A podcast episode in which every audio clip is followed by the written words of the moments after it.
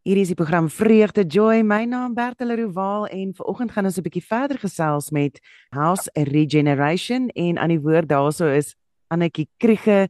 Dit is 'n heerlike geleentheid om 'n bietjie meer te leer oor die terme van verslawings, maar ons het dit goed gedink om te sê kom ons begin by die kinders en hoekom ons daar begin, het ons wil met voorkoming begin eerder as om die pleistertjie op te plak wil ons al die pleister ek seker is meer soos 'n verband of meer soos 'n kruk wat jy daar moet opplak. Maar kom ons praat voorkomend. So goeiemôre Annetjie, hoe gaan dit? Goeiemôre Bertha. Vreugde om die jonger mammas vir altyd kan probeer inligting gee. absoluut, absoluut. So vertel my 'n bietjie meer oor jou kinders. Oor oor daai verhouding wat wat vir jou so lekker was, maar ook 'n bietjie oorweldigend. Ja, weet jy, ek het 7 Ek het 4 van my eie en 3 van Adu en ek het hulle almal groot gemaak. Wat 'n joy was dit net nie. Ehm um, en ek kan regtig vir vir mammas wat in tweede huwelike ingaan nogal help want daar het jy 'n ekstra genade gaweetjie nodig. Dit kan ek jou verseker. maar wat 'n wonderlikheid wanneer daai wanneer jy nie meer 'n stiefma is nie, maar 'n ma. En dit moet ek eerlikwaar sê was Adu omdat hy riglyne gevolg het en hy was baie streng op 50% dissipline en 50% liefde. En 'n mooi balans 50-50 liefde ja. en strengheid. Dissipline is belangrik. En ek dink eh, dis so wonderlik wat jy sê, weet, dankie vir die woord, want die woord het dan vir jou daai daai sekerheid gegee van hoe om jou kinders groot te maak en hulle op te lei en op te lei in die lewe eintlik is wat mense daarmee doen. En ek wil weer hoor so Waar begin ek? Waarna toe mik ek met my kinders? Ja, doelwit. Ek dink ons is baie geneig as ouers omdat ons ons kinders so oneindig liefhet om te mik om 'n gelukkige kind te hê. En as dit jou mikpunt is, gaan jy ongelukkig 'n ongehoorsame kind hê. Maar as jou mikpunt is ek wil 'n gehoorsame kind hê, dan kan jy weet jy gaan 'n heilige kind kry, 'n kind wat gaan oortjies oopmaak en wat op eerste opdrag gaan reageer. Ja, en ek dink daar's 'n balans daar wat wonderlik is want ja, jy natuurlik wil jy jou kinders gelukkig hê, maar 'n kind voel gelukkiger wanneer hulle veilig is. Dink ek, weet en wanneer hulle veilig voel is wanneer hulle dissipline ontvang het, wanneer hulle daai boundaries gee, dan weet hulle waartoe moet hulle gaan, hoe ver kan hulle gaan en en na wie toe kan hulle gaan as hulle per ongeluk die boundaries oorskry het. En ek dink daai is dit is wat 'n gelukkige kind maak. As hulle veilig voel en is wanneer hulle met ander woorde, dit gaan jou kind nie gelukkig maak as jy nie vir hulle tugtig nie. As jy nie vir hulle sê goed, daar is nagevolge aan jou aksies nie.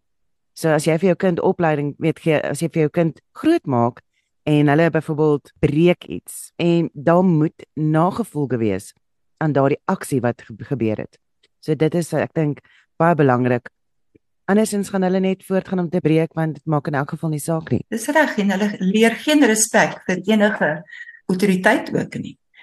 Hulle leer glad nie dat dit belangrik is om um te luister as iemand praat nie, want hulle mag dan daarmee wegkom. Daar moet gevolge wees. En ons het geleer dat um rewards gaan nie enige karaktervorming ten goeie oplewer nie uh of wat karakter oplewer wat goed is op die einde van die dag is wanneer daar 'n pyn is of 'n ongemak of een of ander vorm van wat nie vir hulle lekker is nie. Hulle moet verstaan dat goed gaan saam met goed en sleg gaan saam met sleg. Absoluut. Daar is ongemak. Ek het soos gister weer 'n gesprek met my kinders in die kar gehad met my dogter my gesê, "Ag mamma, moenie vir my preek nie." En dan sê ek vir haar, "Ehm, um, nee nee, ek preek nie ek wil net hierdie met jou deel. En ehm um, ja. En hoe meer sy sê, meer ek moenie preek nie, meer gaan ek, okay, maar kom ons praat net gou-gou oor hierdie aspek van van wat jy my nou net vertel het. En dit is nie vir my lekker nie. Ek kon gekies het om te sê, "Goed my kind, ek sal nie vir jou preek nie."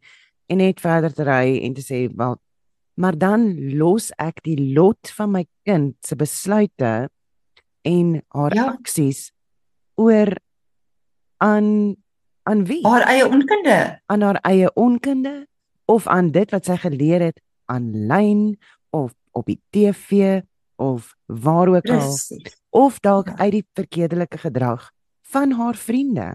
Dis die probleem. Vriende, ja, en ek dink dit is daai sê mens moet tog jou wysheid met jou kinders deel. En jy kan dit op 'n ja. respekvolle manier doen. Dit hoef nie 'n geskree te word nie. Dit is nie daai mens so daar is daai balans ook, soos jy net gesê het. 50% dissipline, 50% liefde. En ons begin ons kinders baie beter verstaan deesdae. So ons weet hoe met hulle te werk. Maar ons weet om vir hulle daai dissipline neer te lê. Jy weet daar's 'n skrif wat sê wanneer jy lê en slaap, gaan jou ma se woorde in jou ore wees. En ongelukkig ouers wil so graag hulle kinders net please. Maar hulle wil hulle vriende wees. Saam met die kind praat. Mm. En dan, jy weet, soos jy nou gister gesê het, jy weet, jy kon amper stil gebly het, maar hulle wil net hulle kinders tevrede hê. So, okay, ek praat liewer saam met jou, maar ek gaan net nie vir jou teëgaan nie, want ek moet jou goeie gesindheid hou en eintlik verloor daai kind al die pad respek want hulle weet jy weet beter en jy staan nie op jou punt nie. En ek dink dan jy het vir ons sulke mooi punte wat ons nog wat ons nog by uit gaan kom waaroor jy praat met so hoe word so gehoorsame kind met karakter gevorm? En dit is ons nou gepraat het die een aspek is daar wanneer die kind reeds daar is. Maar ek dink ook die volgende aspek is wanneer jy en jou man op dieselfde blaadjie is wat dissipline betref en hoe ons ons kinders gaan grootmaak. Dis korrek. Daai voor voorbereidingsgesprek is uiters belangrik en dit moet jy en jou man in die privaatheid van julle kamer alleen doen sodat julle gereed is.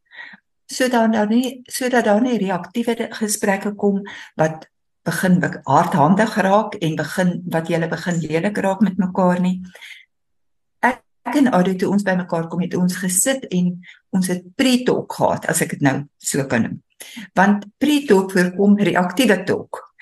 En as jy ja. nie op dieselfde bladsy is nie, dan gaan daar ongelukkig verskille kom en emosionele aksies gaan inskop en dan laat waai ons voor die kinders. Want ons kan ons nie ons emosies altyd beheer nie. En dan ons stig ons daai kinders heeltemal en ons rukkie mat onder hulle uit en hulle kan nie dit hanteer as baan maar beklei nie. Harde woorde maak baie groot wonde in 'n kind. En ek dink dit is so, wanneer jy so, eers op die 'n stabiliteit in hulle lewe is en as wanneer daai wankelrig raak. Dit is wanneer weet wanneer ons verhouding met Jesus het. Hy is ons rots. Maar wanneer jy daai verhouding laat wankel, want Jesus sal dit nooit laat wankel nie, maar wanneer jy daai verhouding laat wankel, dan gaan jy onseker begin voel. En ek dink dit is wat gebeur met kinders. Is hulle daardie verhouding, daai stabiliteit tussen jou en jou man nodig. En dit is dis wonderlik. So ek dink 'n voorgesprek is beter as 'n reaktiewe gesprek so gesels met jou man voor die tyd of jou toekomstige man en dit is hoekom huweliks um voorbereiding so goed so goeie idee is en so belangrik is selfs voor die tyd in watter tipe manier wil ons ons kinders opvoed en maak seker dat jy en jou man uit een mond uitpraat. So dit is wonderlik sodat mense nie op 'n reaktiewe manier gaan begin praat nie. Dan het ons jy, jy het ook gesê van ja, moenie voor die kinders baklei nie. Sover as moontlik. Partykeer is daar slip-ups maar dan moet jy jou kinders net weer verseker, jy moet teruggaan na hulle na die tyd en vir hulle verseker dat hierdie was 'n situasie. Mamma het gereageer. Mense maak foute. Pappa is okay. Ek is okay. Ons is nog lief vir mekaar. Ons sodat jy daai stabiliteit vir die kinders kan kry.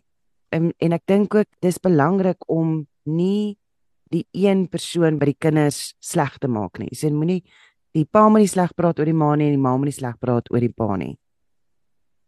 Dis reg.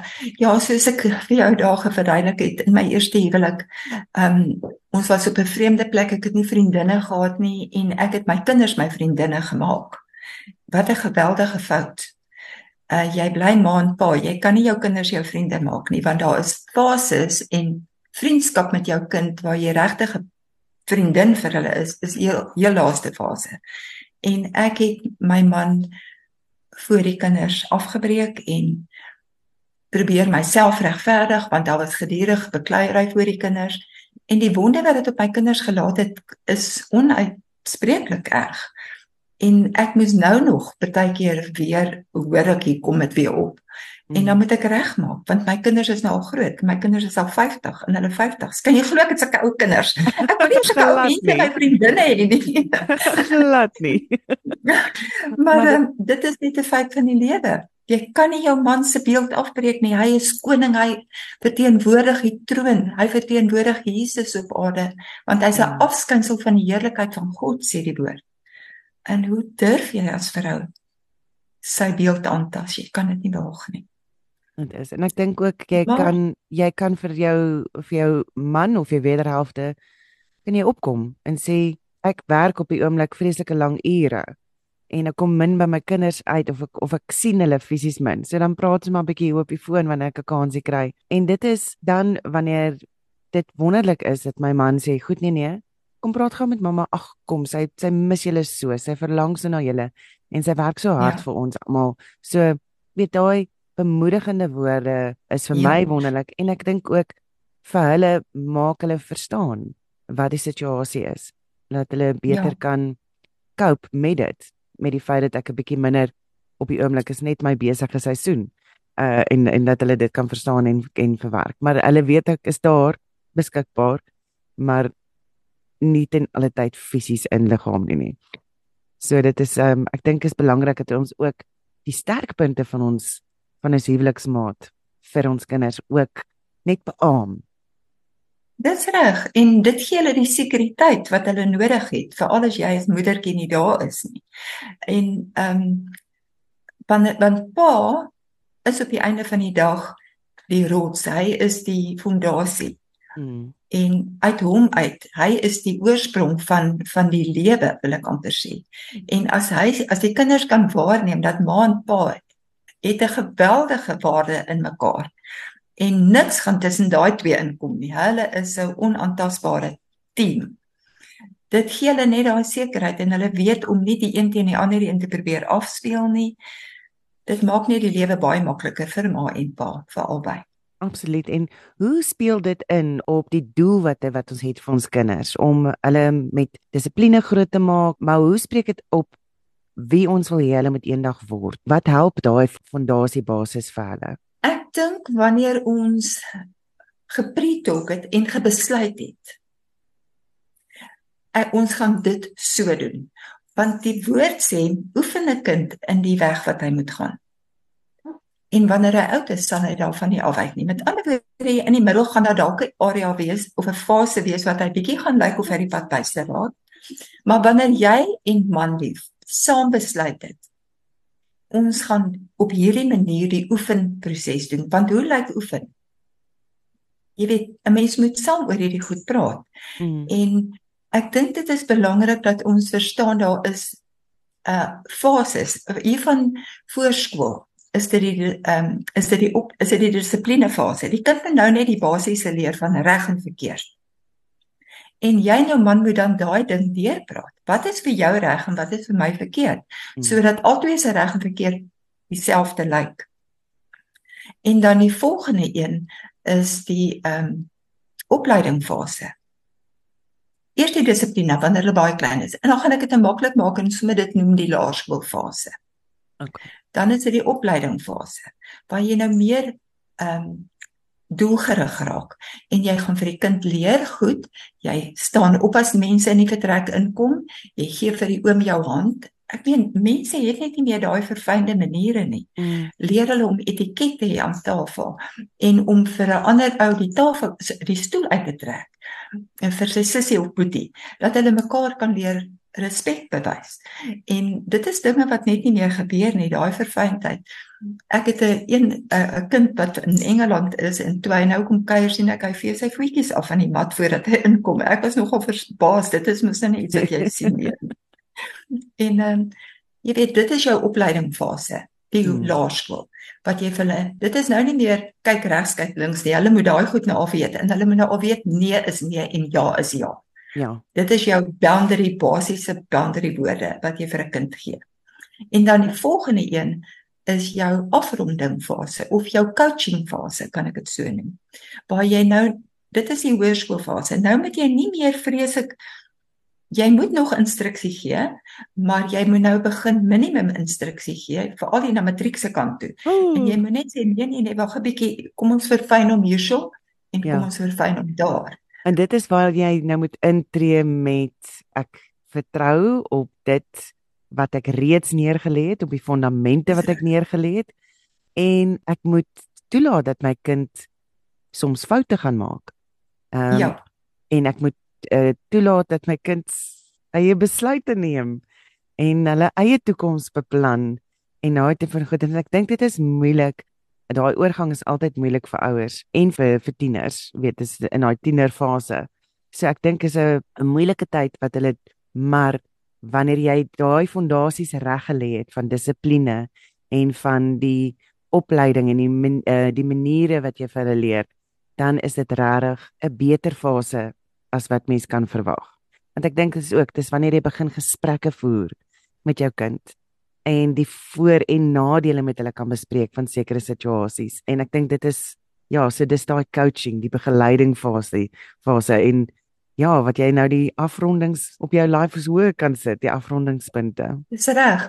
Jy weet, uh, dit is dan ook hier wat jy baie kreatief moet dink wanneer dinge verkeerd loop. Ek kan byvoorbeeld een keer onthou ons het 'n uh, um, 'n meisie gekry by die kinders kom oppas en hulle het hulle vreeslik bang gedra. Die arme girl was skoon in trane toe ons die aand terugkom. En ehm um, toe besluit ons nie ons gaan hierdie ding bietjie kreatief hanteer. En ons het vir hulle gesê die volgende oggend, goed, gaan na julle uh, gaan gaan haal gou-gou julle spaarbusse want hulle daai tyd het ons hulle nog laat spaarbusse sê bring gou-gou julle sakgeldjie bietjie hierso. En uh toe sê ons vir hulle goed, kom ons gaan nou gou bietjie 9 ure, dit was gelukkig vakansietyd. Kom ons gaan gou winkels toe, toe gaan koop ons 'n uh, 'n bos blomme. En ek het hulle elkeen 'n kaartjie laat skryf, vier van hulle, want dit was my drie stiefkinders en Isak. En ehm um, toe het ons na haar werk toe gegaan. Sy sê ehm sy was 'n kelnerin by 'n plekkie by 'n eetplek en toe moes hulle die eh, met hulle eie geld vir haar blomme koop en vir haar verskoning vra hmm. dat hulle hulle wan gedra het. En hulle onthou dit tot vandag toe. Hulle lag daaroor nou want maar dit het 'n blywende indruk op hulle gemaak. Hulle gaan nie weer opgeskep met 'n iemand die is wat nou hulle kom kyk en nou tyd vir hulle gee nie. Ja. En dit jy weet nou wil jy nie meer net slaan nie. Die slaan tyd was hier al in die begin wat hmm. jy die pynfaktor byne baie aangewend het en die reg en verkeerd ingedrul het. Maar dan is dit hierdie hierdie is nou nou bespreek jy tot hulle harte. Ja. En dan net die laaste fase waar ons gesels vandag is dan die 18 jaar ouer, die vriendskapfase. Vertel my 'n bietjie meer van dit. Ja. Ja, nou is daar vertroue. En weet jy wat ek gevind het dat ehm um, as hulle eers op daai ouderdom is, hulle luister nie nou meer na jou nie. Wat jy wou inbou in in hulle in, moes jy gedoen het. Jy moes jou boundaries in plek gehad het, want nou gaan hulle nie meer jou insette vat nie. Maar nou kan jy hulle vriendin wees, want nou moet jy reg staan om te weet dit wat jy ingebou het is fyn. En nou kan jy bystaan. Uh, dit is 'n baie lekker tyd, mm. want jy moet baie versigtig wees om nie te gou gou hulle vriendin te word nie. Jy bly steeds ma in die ander fases anders vat hulle nie instruksies nie. Maar dit is so lekker om dan te weet nou is jy hulle vriendin, nou kan julle saam dinge doen en jy kan hulle vertrou met dinge wat vir jou hartseer maak ook. En want jy weet hulle weet wat is reg en hulle weet wat is verkeerd. Net. En daarom dink ek Bertha, dit is baie belangrik dat ons moet verstaan daar is vier tipe van ouer hanteringsstyle. Sodat ons nie daar verkeerd gaan en ons eie hantering van ons kinders verkeerd doen nie. Absoluut en ons sal dit op 'n ander keer moet bespreek want ons gesels nou al lekker lekker lank uh, en ongelukkig is ons tyd is heeltemal verby. Maar Annetjie ek wil net vinnig vra waar kan mense jou in die hande kry as hulle bietjie meer wil gesels, as hulle dalk iemand het wat 'n uh, afhanklikheidsprobleem het wat hulle graag na julle toe wil verwys of iemand na julle toe wil bring? Hoe kan hulle in kontak tree met jou? Dankie Bertha. Ons het 'n meisie en 'n seenshuis en die een, albei in Pretoria area, die een in Kameeldrift, die damesplek en hulle kan my kontak by 012 80 80 527. Uh ons het ook 'n webtuiste. Dit is um www.hr 7.co.za. Daar kan hulle gaan kyk hoe lyk dit hierso. En dan kan hulle ook vir Anna kontak by 082 601 4017. Dis herhaal hom net weer vir my daai 'n nommer van Anna 082 082 601 601 4017. 4017 en dit is dan Anna met wie hulle gaan gepraat. Ja, ons is ook deel van die House Regeneration Sentrum. Bye bye, dankie Annetjie, baie dankie vir jou tyd. Ons uh, gaan volgende ja. week weer 'n bietjie lekker gesels en ja, dan sien ons mekaar daar weer. Laat ons ons kinders mooi grootmaak vir Jesus. Amen. Amen. En van my kant ja. af baie dankie dat jy saam met my gekuier het vandag. Ons maak volgende week weer so. Shalom.